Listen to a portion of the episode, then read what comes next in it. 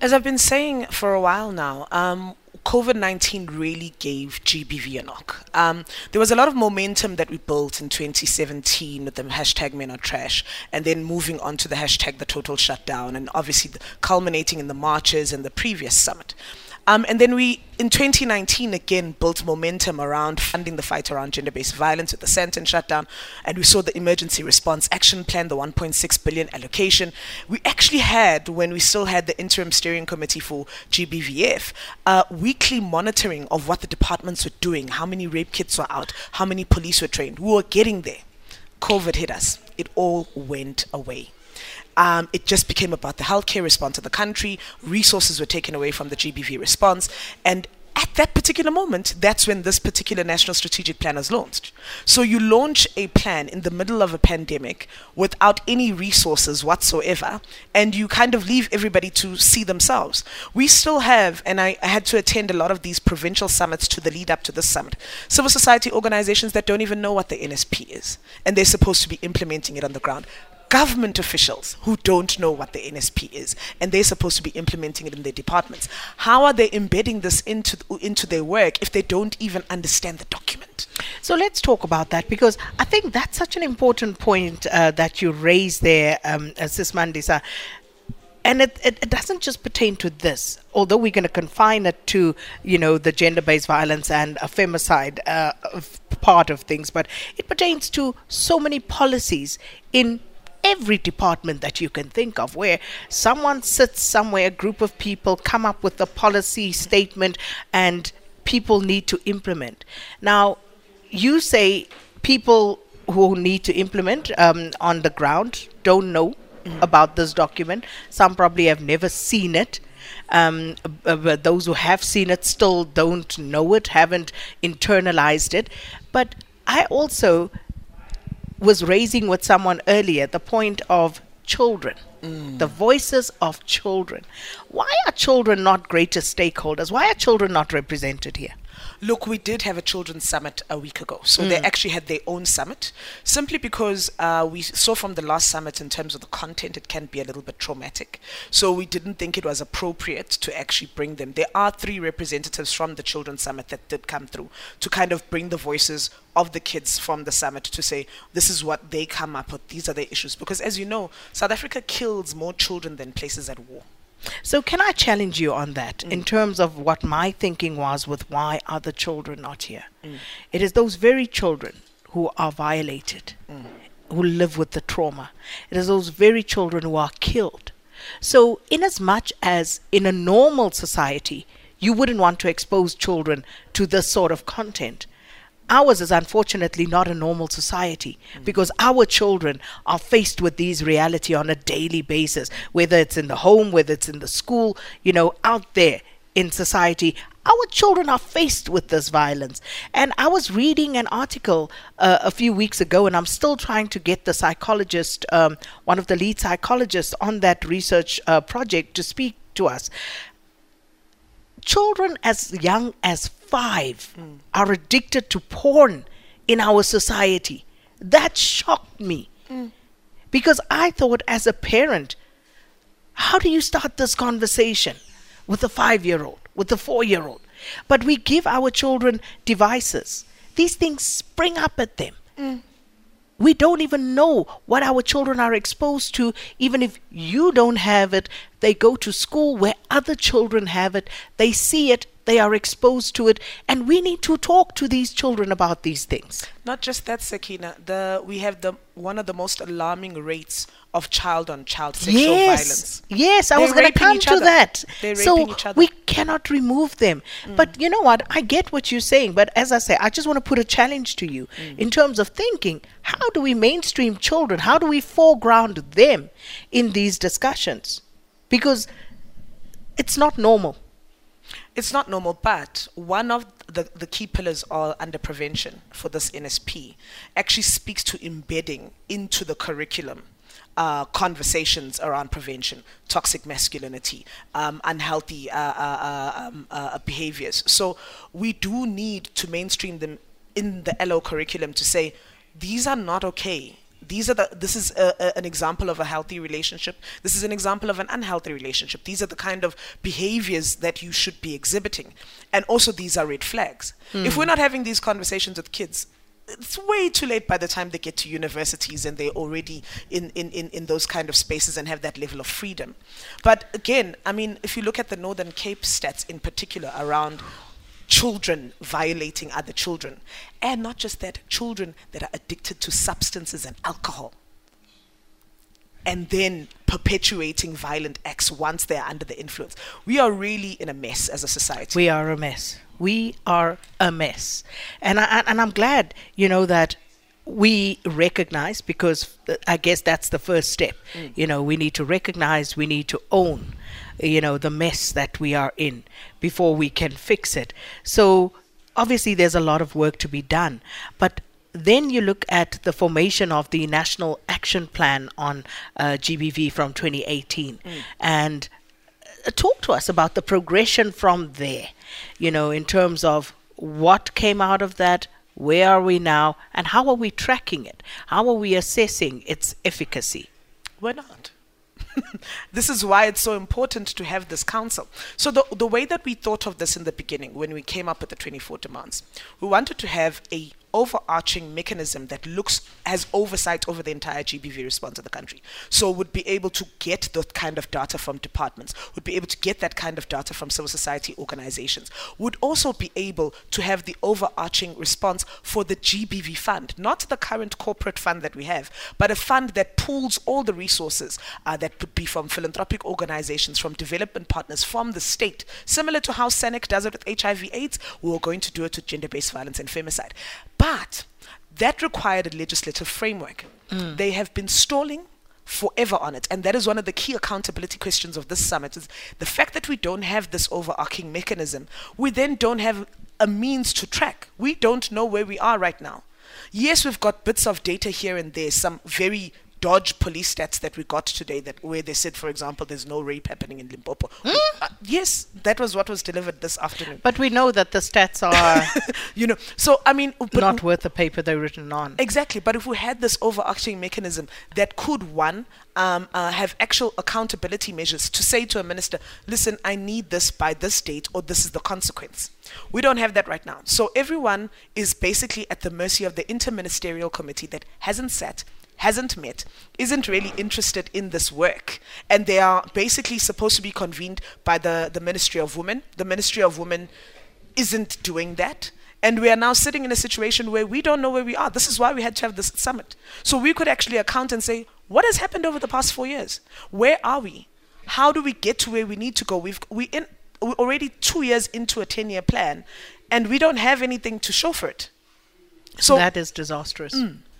Uh, you know, you talk about the ministry, and since its inception, this ministry has been called out year after year after year as a ministry that only is seen during 16 days of activism and then it goes into hibernation again.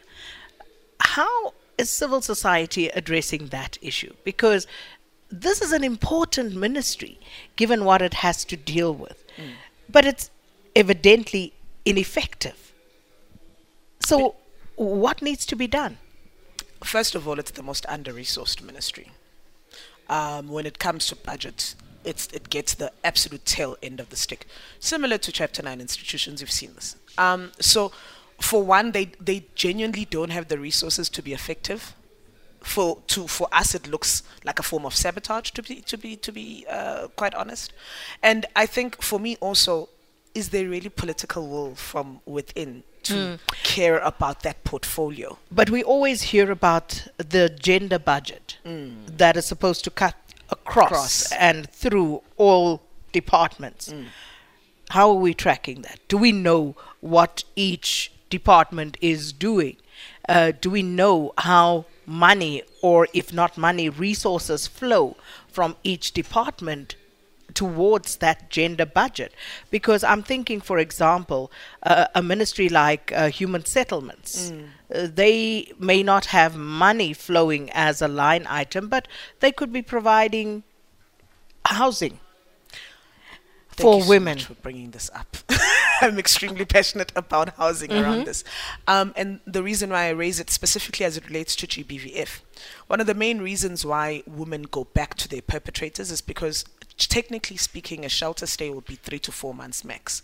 You can't rebuild your life in three to four months if you are unemployed and you're dependent on someone. So, what are the chances of when you exit the shelter for you to go back to your perpetrator? Very high. If we were to prioritize women exiting the shelter system for RDP housing, we would minimize so many repeat offenses of, of domestic violence. We would minimize so many femicides because the thing is, perpetrators are most likely to kill you when they believe you're going to leave. If you've already left and come back, what are the chances that he's going to actually try and keep you there?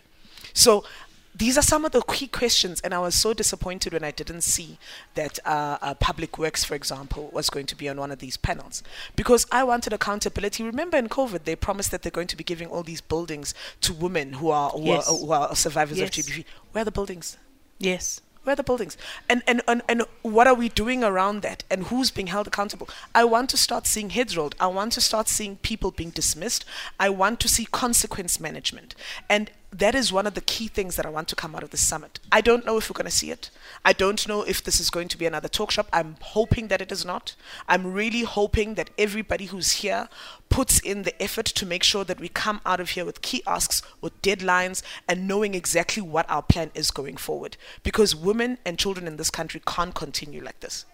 And, and, and that is a key question. I was um, facilitating a um, SALGA um, session in Cape Town earlier in the year.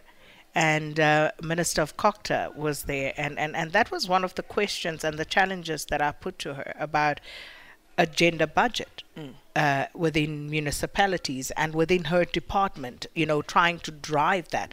Because it is very important that we start seeing that. And whilst we fully understand that you will not see perhaps a line item that says gender based violence and femicide, but there needs to be a clear flow and indication from every department to show where and how they are giving expression to this.